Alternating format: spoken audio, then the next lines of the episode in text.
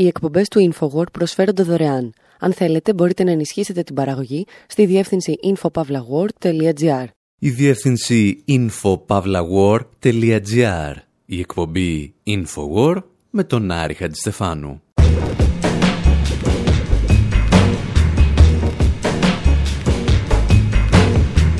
Όπου σήμερα σηκώνουμε την κόκκινη σημαία των McDonald's και διηγούμαστε παλιές και νέες ιστορίες για ένα φασφουντάδικο που αυτές τις μέρες γιορτάζει τα 80 του χρόνια. Σκεφτόμαστε αν θα είχαν δημιουργηθεί τα McDonald's εάν η ομοσπονδιακή κυβέρνηση των ΗΠΑ δεν είχε οδηγήσει στα όρια της χρεοκοπίας έναν κύριο που πουλούσε μηχανήματα για milkshake. Υποπτευόμαστε ότι το βασικό καπιταλιστικό στοιχείο στην ιστορία του συγκεκριμένου ταχυφαγείου είναι ο τρόπος με τον οποίο αυτός ο πολιτής πετσόκοψε τους πραγματικούς ιδρυτές της αυτοκρατορίας των Big Mac. Μιλάμε για τις εποχές που η νίκη απέναντι στο σοσιαλισμό παρουσιαζόταν σαν μια ουρά έξω από τα McDonald's στην πλατεία Πούσκιν της Μόσχας ή ίσως στην πλατεία Συντάγματος. Και ύστερα θυμόμαστε πώς είναι να μετράς την αγοραστική ικανότητα ενός νοικοκυριού ή μιας ολόκληρης οικονομίας σε χάμπουργκερ. Και σκεφτόμαστε μήπως μπορούμε να κάνουμε το ίδιο και με ράφια του IKEA.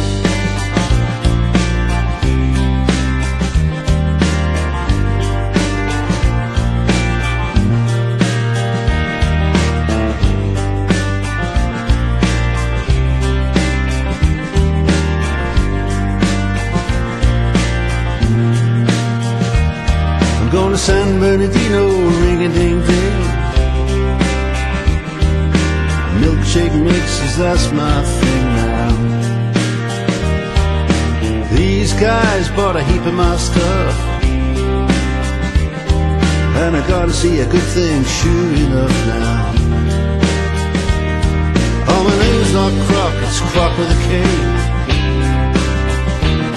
Like crocodile, but not spelled that way.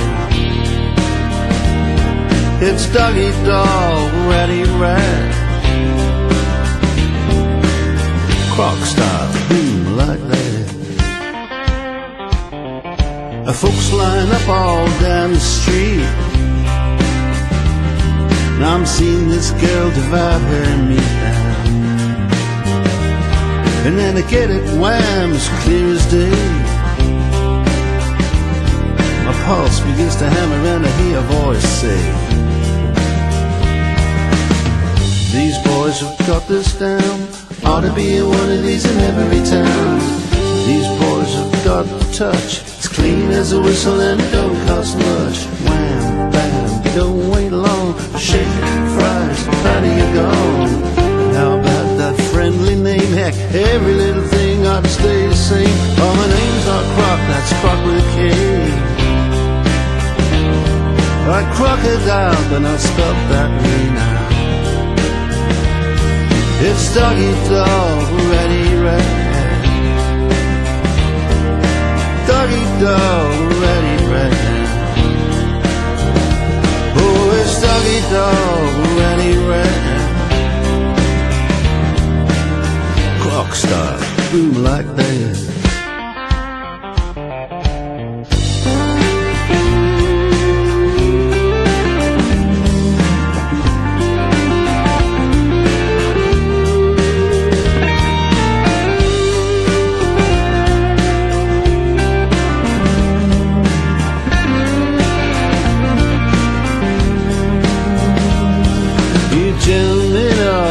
Despair. You're gonna need a helping hand now. So, gentlemen, well, what about me? We'll make a little business history. Oh, my name's not Croc, call me Ray. I like crocodile, but not spelled that way now. It's doggy dog, ready, right. Clock stop, boom, like that.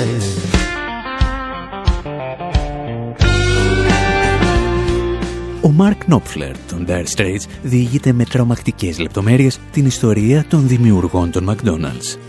Μια ιστορία με τόσο έντονα τα στοιχεία του καπιταλισμού που σε κάνει να ανατεριάζεις. Για την ακρίβεια, το τραγούδι διηγείται την ιστορία του ανθρώπου που κατέστρεψε τους δημιουργούς των McDonald's, παίρνοντάς τους ακόμη και το πατρογονικό τους επίθετο για να πουλάει χάμπουργκερ. Να μην με λένε κροκ, ακούσαμε στο τραγούδι, εάν δεν τα καταφέρω. Και αυτό το κροκ δεν γράφεται με κάπα, αλλά με σι, όπως ο κροκόδιλος. Κροκοντάιλ. Ο κρόκ της ιστορίας μας είναι ο περίφημος Αμερικανός επιχειρηματίας Ray Kroc, ένας άνθρωπος που ξεκίνησε την επαγγελματική του σταδιοδρομία πουλώντας χάρτινα κύπελα για καφέ και ύστερα το γύρισε στα milkshakes. Για την ακρίβεια, όπως εξηγούσε ένα από τα πρώτα βιογραφικά ντοκιμαντέρ για τον Ray Kroc, έγινε ο μοναδικός αντιπρόσωπος μιας μηχανής για milkshake. In 1939, Kroc saw value in a new device one of his customers had built. Το 1939 ο Κρόκ είδε τις δυνατότητες που θα του παρήχε μια νέα συσκευή που είχε εφεύρει ένας από τους πελάτες του. Ήταν μια μηχανή με πέντε κεφαλές που λειτουργούσαν παράλληλα για την Παρασκευή Milkshake. Ο Κρόκ κατάλαβε αμέσως ότι μια τέτοια μηχανή αποτελούσε τεράστια πρόοδο σε σχέση με τις μηχανές που χρησιμοποιούσαν τα περισσότερα καταστήματα και μπορούσαν να φτιάχνουν ένα milkshake τη φορά. Στα 37 του χρόνια εγκατέλειψε την επιτυχημένη καριέρα του στα χάρτινα κυπελάκια και έγινε ο μοναδικός διανομέας των νέων μηχανημάτων για milkshake. And became the multi-mixer's exclusive distributor. Down to the drugstore to be with the crowd, and them sort of papa crying out loud. All day long she's a sitting on a stool, drinking milkshake and like a boo. She's a milkshake man over there.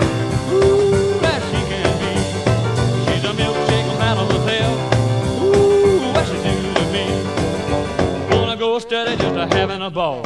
Same old line for Peter and Paul. Give me her date. You can't get your kicks from an whole milkshake. She's a milkshake man of Brazil. She can be, uh, but she's a milkshake man of Brazil. Ooh, what you do to me, yeah.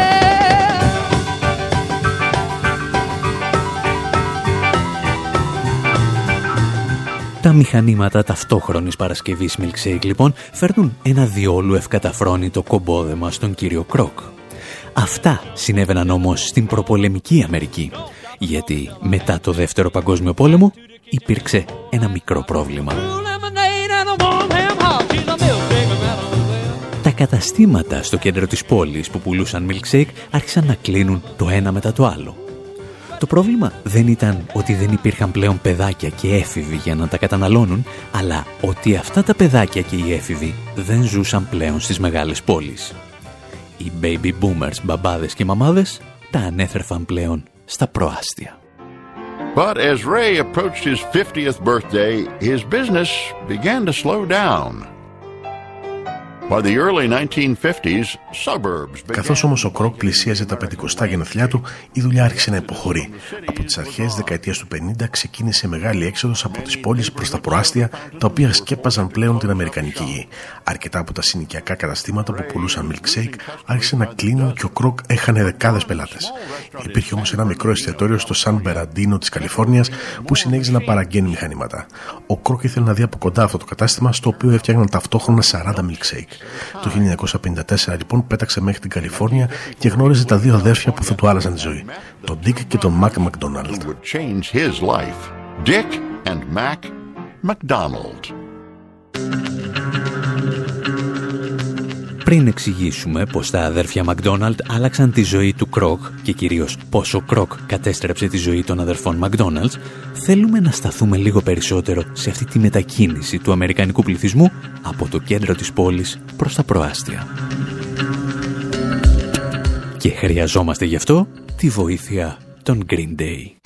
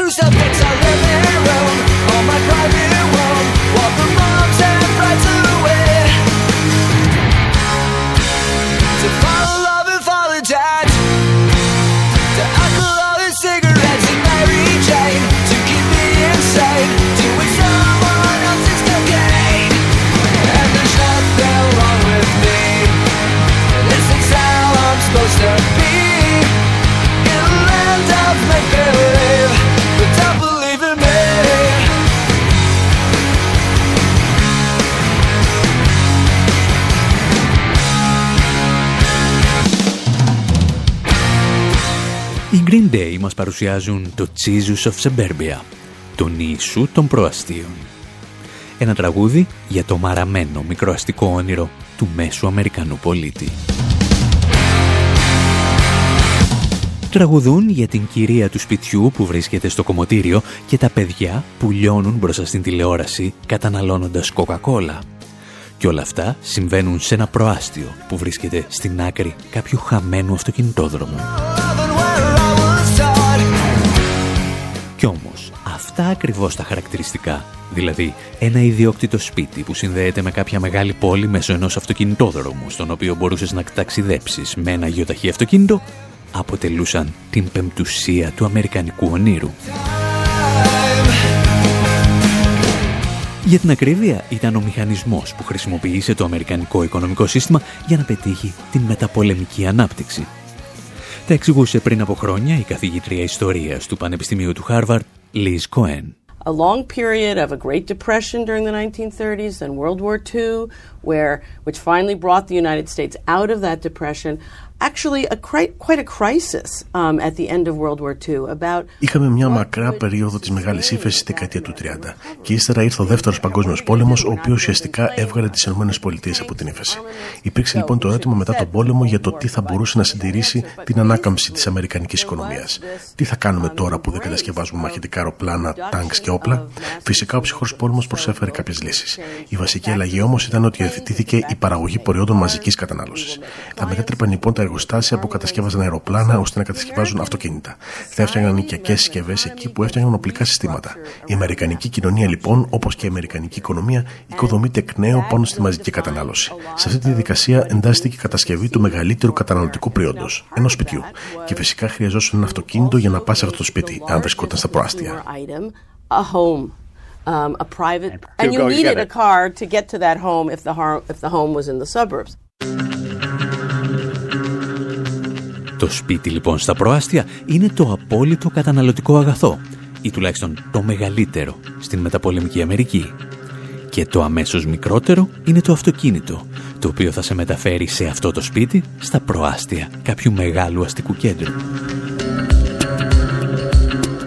Επεκτείνοντας εδώ λίγο περισσότερο την παρένθεση που κάνουμε στην ιστορία των McDonald's, πρέπει νομίζουμε να εξηγήσουμε και μία ακόμη λεπτομέρεια που αφορά την μεταφορά των Αμερικανικών οικοκυριών από το κέντρο της πόλης προς τα προάστια. Συγκεκριμένα να πούμε ότι τίποτα από αυτά δεν θα είχε συμβεί εάν δεν υπήρχε ο σχεδιασμός της Αμερικανικής Ομοσπονδιακής Κυβέρνησης.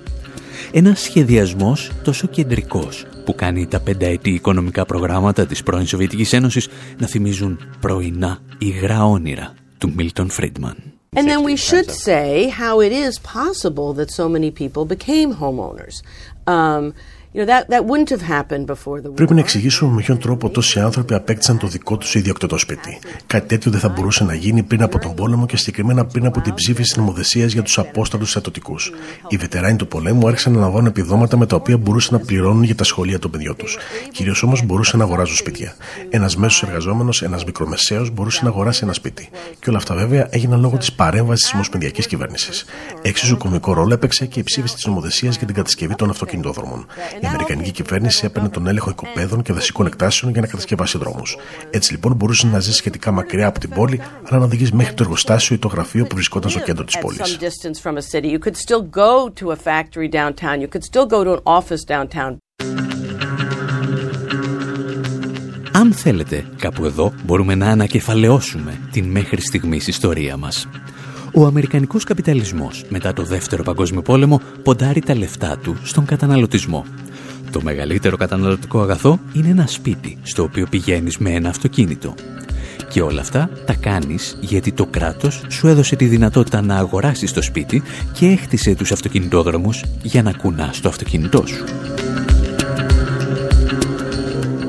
Το αποτέλεσμα βέβαια ήταν ότι ένας αντιπρόσωπος για μηχανήματα milkshake κόντεψε να χρεοκοπήσει, καθώς τα μαγαζιά στο κέντρο της πόλης έκλειναν το ένα μετά το άλλο. Και έτσι πήρε το αεροπλάνο για να γνωρίσει δύο αδέρφια, τα οποία συνέχιζαν να παραγγέλνουν από αυτόν μηχανήματα για milkshake, κάπου στο Σαν Μπερναντίνο. Πρόκειται για τους αδερφούς Μακδόναλτ, τα παιδιά δύο μεταναστών από την Ιρλανδία. Παρεπιπτόντος, αυτή ακριβώς είναι η ιστορία την οποία μας διηγείται και η ταινία «Ο ιδρυτής μιας αυτοκρατορίας» με τον Μάικλ Κίτον. I know what you're thinking. How the heck does a 52-year-old over-the-hill milkshake machine salesman build a fast food empire with 1600 restaurants? Ξέρω τι σκέφτεστε. Πώς μπορούσε ένας τελειωμένος 52χρονο πολιτής μηχανών milkshake να στήσει μια αυτοκρατορία με 1600 εστιατόρια και ετήσια έσοδα 700 εκατομμυρίων δολαρίων; Μια λέξη. Επιμονή. One word. Persistence. Prince Castle Sales. Hi, June. Κάπου εδώ όμως, όπως καταλαβαίνετε, ξεκινούν τα δικά μας προβλήματα. Γιατί στην πραγματικότητα αυτό που έκανε ο ήρωας της ταινίας, δηλαδή ο Ray Kroc, είναι να πετάξει τους αδερφούς Μακδόναλτ έξω από την επιχείρησή τους. My brother here comes up with one of his brilliant ideas. Τα δύο αδέρφια είχαν ανοίξει το πρώτο κατάστημά τους στις 15 Μαΐου του 1940. Η μεγάλη τους επιτυχία ήταν ότι κατάφερναν να μεταφέρουν ένα χάμπουργκερ από την ψισταριά μέχρι τον πελάτη μέσα σε 30 δευτερόλεπτα. Η έννοια του εστιατορίου δεν θα ήταν πια ποτέ ίδια. McDonald's can be the new American church. Ο Κροκ όμως τους έπεισε να αναπτύξουν την αλυσίδα τους με τη μέθοδο του franchise και είχε πολύ συγκεκριμένες ιδέες για το πώς θα μπορούσαν να αυξήσουν τα κέρδη, ρίχνοντας την ποιότητα των προϊόντων τους. Όταν τα αδέρφια Μακδόναλτ αρνήθηκαν να ακολουθήσουν τις συμβουλές του, αυτός δημιούργησε μια εταιρεία η οποία αγόρασε όλα τα οικόπεδα πάνω στα οποία βρίσκονταν τα καταστήματα των Μακδόναλτ. Και λίγα χρόνια αργότερα είχε πετάξει τα δύο αδέρφια έξω από την επιχείρησή τους. Όταν μάλιστα οι αδερφοί Μακδόναλτ άνοιξαν ένα καινούριο κατάστημα, συνειδητοποίησαν ότι δεν μπορούσαν πλέον να το ονομάσουν Μακδόναλτ και έπρεπε να το ονομάσουν The Big M. Και ο Ray Kroc αμέσως άνοιξε δίπλα τους ένα Μακδόναλτ, αναγκάζοντάς τους να κλείσουν το δικό τους κατάστημα και να γυρίσουν στα σπίτια τους. Εσείς πάλι μένετε εδώ, γιατί ύστερα από ένα μικρό διάλειμμα επιστρέφουμε με περισσότερες ιστορίες. Να μην ξεχνάτε βέβαια ποτέ ότι μπορείτε πάντα να μας βρίσκετε στη διεύθυνση info.pavlawar.gr και εάν είστε τύποι του Instagram μπορείτε πλέον να μας ακολουθείτε και στο νέο λογαριασμό που ανοίξαμε ως infowar.gr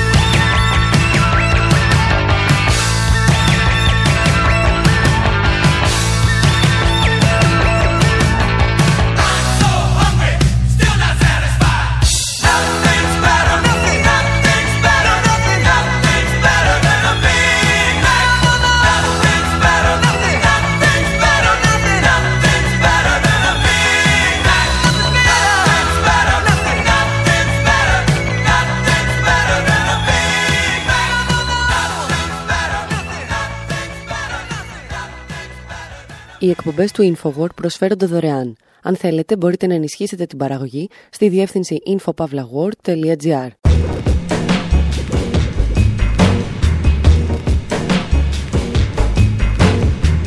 Εκπομπή Infowar, μέρος δεύτερο. Όπου παραμένουμε σε ρυθμούς McDonald's, καθώς στα μέσα Μαΐου του 2020 συμπληρώνονται 80 χρόνια από τη στιγμή που άνοιξε το πρώτο ταχυφαγείο με το συγκεκριμένο όνομα. Είδαμε τους δημιουργούς του να εκπαραθυρώνονται από έναν πολιτή milkshake και να μην μπορούν να χρησιμοποιήσουν ούτε το όνομά τους σε μία πινακίδα. Και τώρα θέλουμε να θυμηθούμε ιστορίες από μια αυτοκρατορία εστιατόριων. Αναρωτιόμαστε αν μπορείς να μετρήσεις την αγοραστική δύναμη ενός νοικοκυριού από τα πόσα Big Mac μπορεί να καταναλώσει. Βλέπουμε ουρές έξω από το πρώτο εστιατόριο McDonald's στη Μόσχα και σκεφτόμαστε γιατί το ΝΑΤΟ δεν έχει τα δικά του χαμπουργκεράδικα. Και κλείνουμε όπως ακριβώς ξεκινήσαμε. Με ιστορίες για πρόσφυγες στον χάμπουργκερ. Ανθρώπους που κάποτε έβρισκαν καταφύγιο στην Αμερική και σήμερα το ψάχνουν κάπου στο Χονγκ Κόνγκ.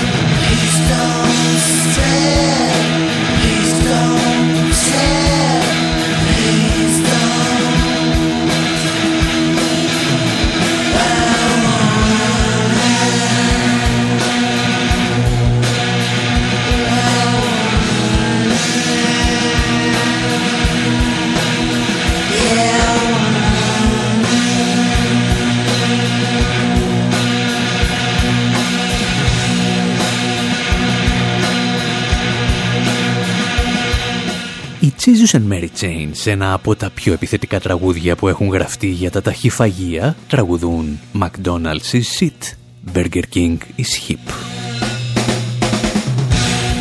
Και το μόνο που μπορούμε να σχολιάσουμε σε αυτό είναι περιορέξεως κολοκυθόπιτα. Το βέβαιο είναι πως όποια γνώμη και αν έχει κάποιος για τη γεύση ενός Big Mac, αυτό συχνά προσφέρεται για σοβαρές πολιτικές και οικονομικές αναλύσεις. Ενώ κάποιες άλλες φορές είναι απλώς ένας εύκολος τρόπος να νοστιμήσεις τις λάθος αναλύσεις σου. Και ορισμένες από αυτές τις αναλύσεις, για τις οποίες είχαμε ξαναμιλήσει πριν από κάμια δεκαριά χρόνια σε αυτήν εδώ την εκπομπή, θελήσαμε να θυμηθούμε σήμερα. Τώρα που τα McDonald's γιορτάζουν τα 80 τους χρόνια.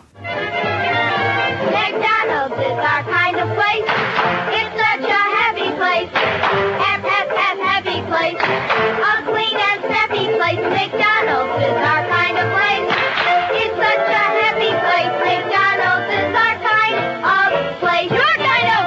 Βρισκόμαστε στο 1968 και η Αμερικανική αλυσίδα εστιατόριων McDonald's παρουσιάζει ένα από τα πρώτα διαφημιστικά σποτάκια της στην τηλεόραση. Έχει μόλις ανοίξει το χιλιοστό κατάστημα στις Ηνωμένες Πολιτείες και ετοιμάζεται για διεθνή καριέρα.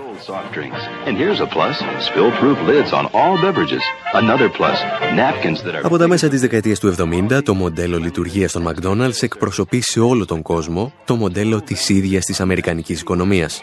Ένας οικονομικός και πολιτισμικός οδοστρωτήρας που δεν θα διστάσει να χρησιμοποιήσει στα διαφημιστικά του ακόμη και αναφορές στην όπερα της Πεντάρας του Μπέρτολ Μπρέχτ και του Κουρτ Βάιλ.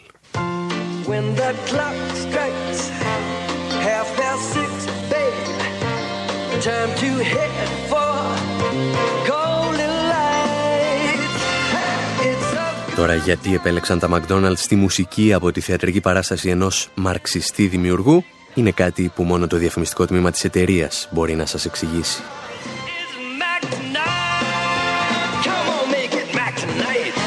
Το βέβαιο είναι ότι από τη δεκαετία του 70 η εξάπλωση των McDonald's συμπίπτει συνήθως με κολοσιαίες πολιτικές και ιδεολογικές αλλαγές στην χώρα υποδοχής των καταστημάτων.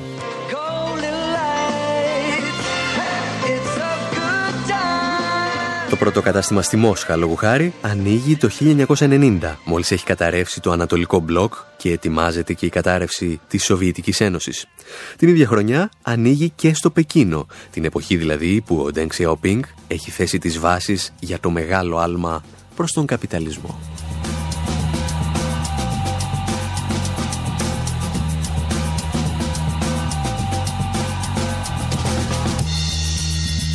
Ήδη πάντως από το 1986, ορισμένοι οικονομολόγοι του περιοδικού Economist είχαν μια φαϊνή ιδέα.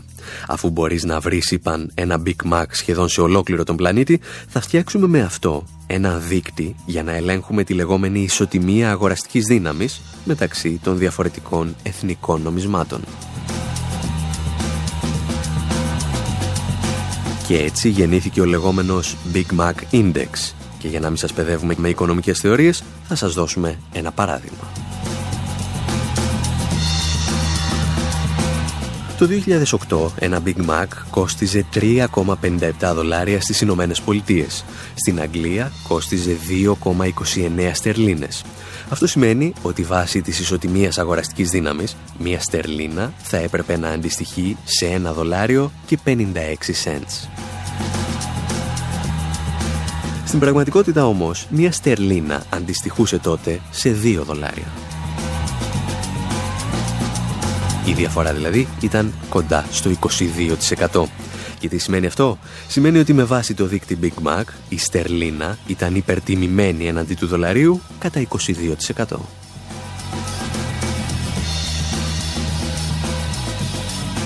Πρακτικά, και για να αφήσουμε και τα παραδείγματα, ο δείκτης Big Mac επιτρέπει να μετράμε την αγοραστική δύναμη σε κάθε χώρα. Το μόνο που έπρεπε να κάνει κανείς ήταν να βρει το τέμπο της οικονομίας του και να παραγγείλει ένα Big Mac στο ταμείο του εστιατορίου. Big Mac.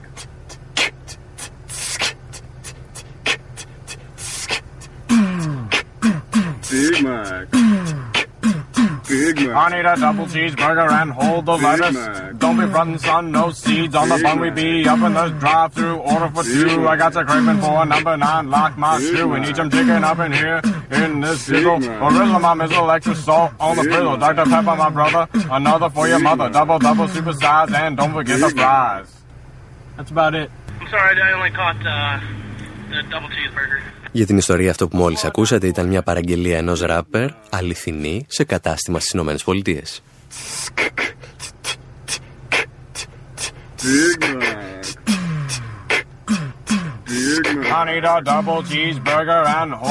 Και ενώ οι συντάκτες του Economist έπαιζαν από το 1986 με το δίκτυ Big Mac, ήρθαν κάποιοι άλλοι οικονομολόγοι να τους χαλάσουν το παιχνίδι. Δεν θα μετράτε τους είπαν με χάμπουργκερ, αλλά με ράφια του IKEA.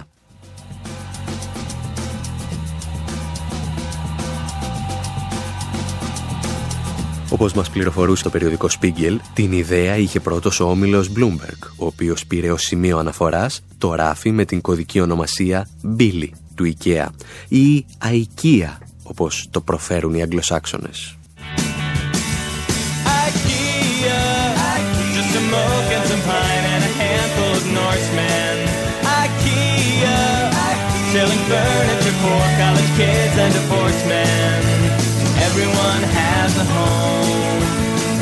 Don't have a home, you can buy one there. Rent a car or take the bus. Lay your cash down and put your trust in the land where the furniture folds to a much smaller size. Billy the bookcase says hello. So does the table, his name is Ingo. And the chair is a ladderback birch, but his friends call him Carl. IKEA, just some oak and some pine and a handful of Norsemen. IKEA. Το ερώτημα που τίθεται ύστερα από τόση συζήτηση είναι «Είναι αυτοί οι δείκτες αξιόπιστοι» και η απάντηση είναι «Όχι και τόσο». Και στις δύο περιπτώσεις υπάρχουν χίλιοι δύο παράγοντες που χαλάνε τη συνταγή. Στην περίπτωση του Big Mac θα έπρεπε να λάβουμε επίσης υπόψη στοιχεία όπως η τοπική φορολογία στα τρόφιμα, οι δασμοί στις εισαγωγές, αλλά ακόμη και το τι σημαίνει για κάθε κοινωνία να τρώει στα McDonald's. Γιατί σε μια κοινωνία του τρίτου κόσμου το να τρως χάμπουργκερ ανεβάζει το κοινωνικό σου στάτους, ενώ στην Αμερική μάλλον το κατεβάζει. Και όλα αυτά επηρεάζουν τις τιμές. Τα πράγματα είναι ακόμη χειρότερα για τους σοβαρούς οικονομολόγους με τα ράφια του IKEA. Γιατί εκεί οι τιμές δεν αλλάζουν τόσο γρήγορα, κανένας δεν αγοράζει ράφια καθ' όλη τη διάρκεια της χρονιάς και ούτω καθεξής.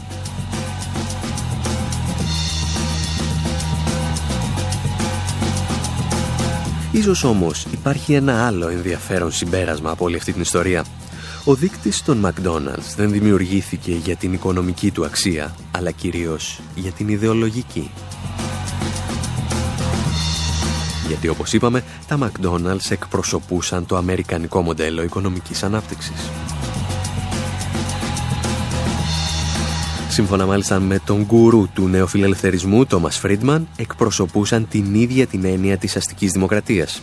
Ο Φρίντμαν υποστήριξε κάποτε ότι δύο χώρες που έχουν McDonald's δεν θα εμπλακούν ποτέ σε πόλεμο μεταξύ τους. Πρόκειται για τη λεγόμενη θεωρία αποτροπής διένεξης της χρυσής αψίδας.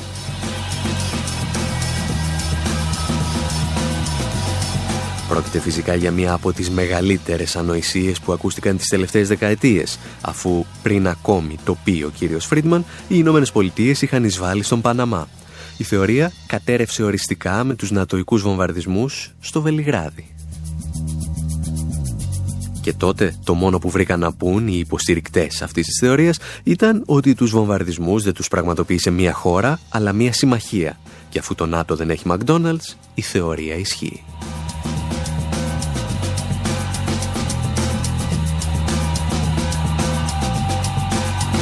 Για να αφήσουμε όμως τις αποτυχημένες θεωρίες του κυρίου Φρίντμαν, αν τα McDonald's εκπροσωπούσαν κάποτε το αμερικανικό μοντέλο ανάπτυξης και τώρα κάποιοι αναζητούν δείκτες στα IKEA, μήπως αυτό σημαίνει την κυριαρχία του σουηδικού μοντέλου ανάπτυξης;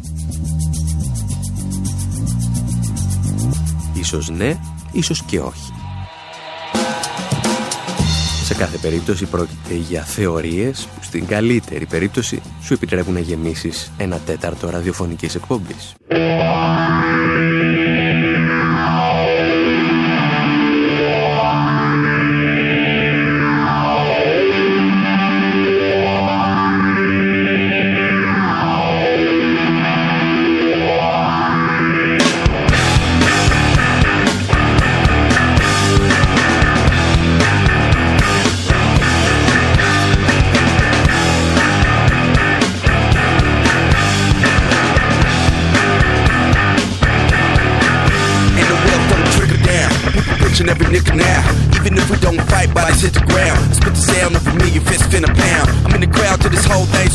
Round. On temporary disconnect. I shoot my mouth off, I can't find my pistol yet. You can call this music disrespect, cause it'll slap you in your face at your local discotheque.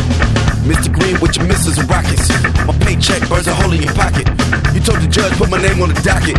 Meeting in the break room, here's where we plotted. Let's fight, let's smash, let's win. We gon' fight, we gon' smash, let's in. Let's fight, let's smash, let's win. Just like getting up in the club with a fake ID. Don't work, we gon' do it again. Your Honor, it please the coast. Swear me in on a book full of Tupac quotes. After what I say, you might noose my throat. Report the police, scribble down a few hot notes. Allow me to be the first to throw dirt on the graves. Excuse me, I never learned to behave. My great great granny was a Carolina slave. She whispers in my ear, saying spark the blaze. Somewhere on the east side of steal and rob. A whole generation gotta make a job. And the light bill still ain't resolved. See the hungry mouth pulse and thrive. If you got a blacklist, I wanna be on it. If we gonna attack this, then we need to run it. If you see my hood, man, you might call it. Στην εκπομπή Infowar με τον Άρη Χατζηστεφάνου μοιραζόμαστε σοβαρές και λιγότερο σοβαρές πολιτικές και οικονομικές αναλύσεις με αφορμή τη συμπλήρωση 80 χρόνων από το άνοιγμα του πρώτου καταστήματος McDonald's στις 15 Μαΐου του 1940.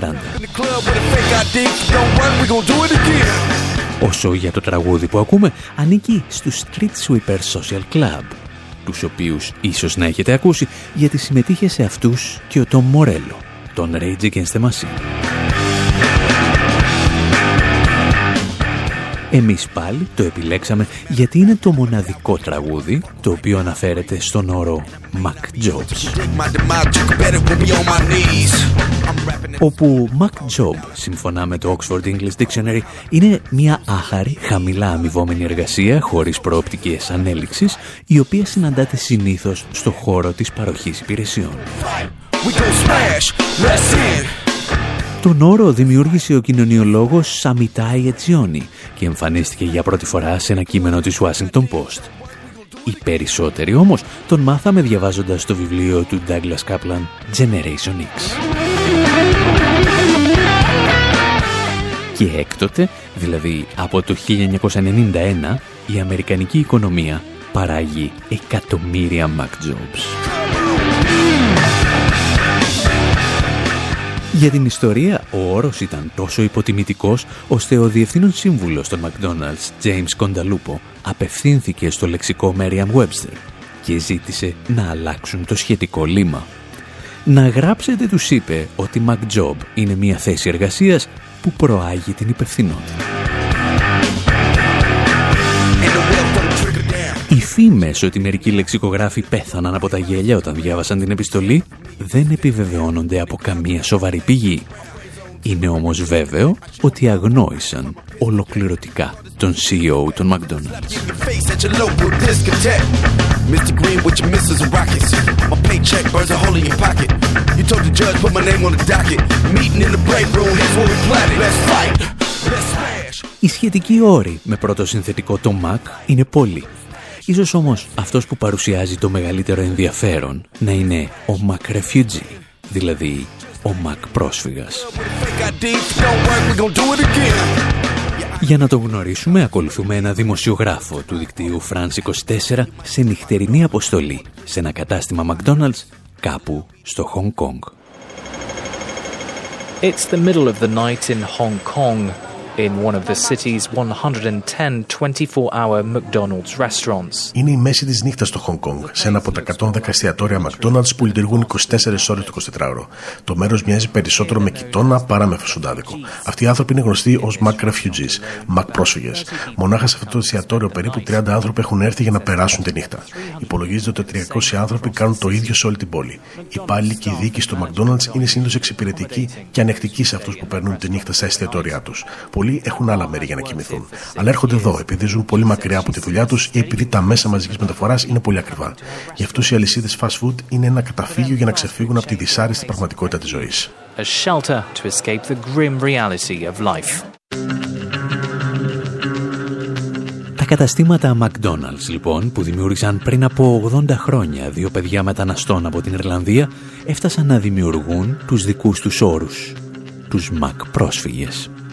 Και όπως ακούσατε, ο όρος δεν αφορά μόνο τους άστεγους, αλλά και αυτούς που δεν έχουν αρκετά χρήματα για να επιστρέψουν στο σπίτι τους, το οποίο βρίσκεται κάπου στα προάστια. Εκεί όπου κάποτε γεννήθηκε η μεγαλύτερη αλυσίδα ταχυφαγίων στην ιστορία. Κάπου εδώ όμως εμείς λέμε να σας αφήσουμε και για αυτή την εβδομάδα. Παραμένουμε κοντά σας από τη διεύθυνση info.pavlawar.gr από που μπορείτε να μας διαβάζετε, να μας ακούτε και να μας βλέπετε. Και αν θέλετε να μας ακολουθείτε στο Facebook, στο Twitter και τώρα πια και στο Instagram.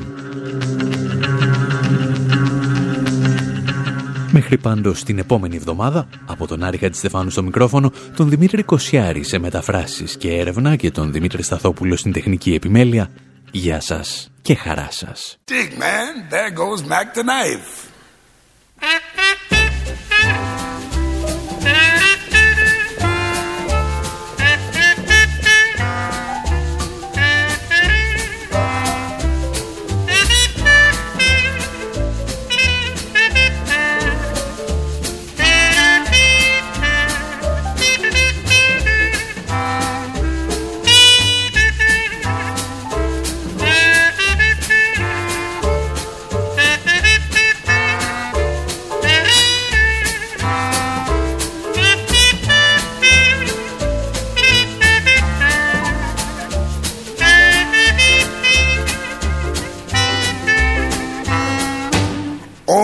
Shark has pretty teeth, dear, and he shows them a pearly white.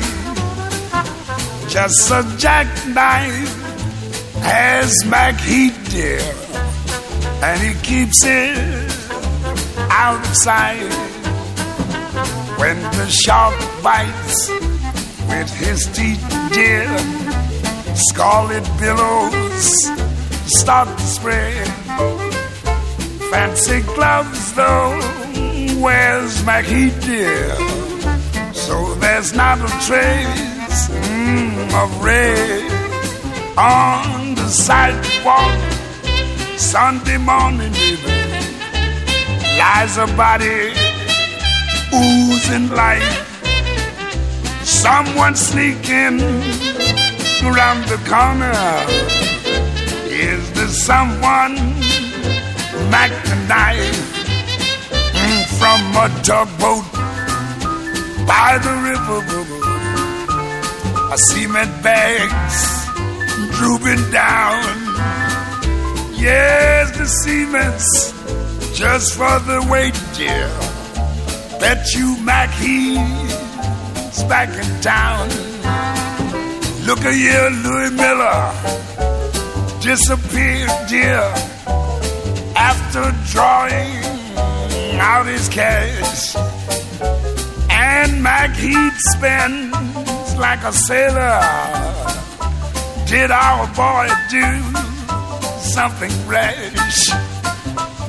Suki Tawdry, Jenny Diver, Lottie Lanyard, Sweet Lucy Brown. All the line forms on the right, dears. Now that Mackie's back in town. Take it, Satch.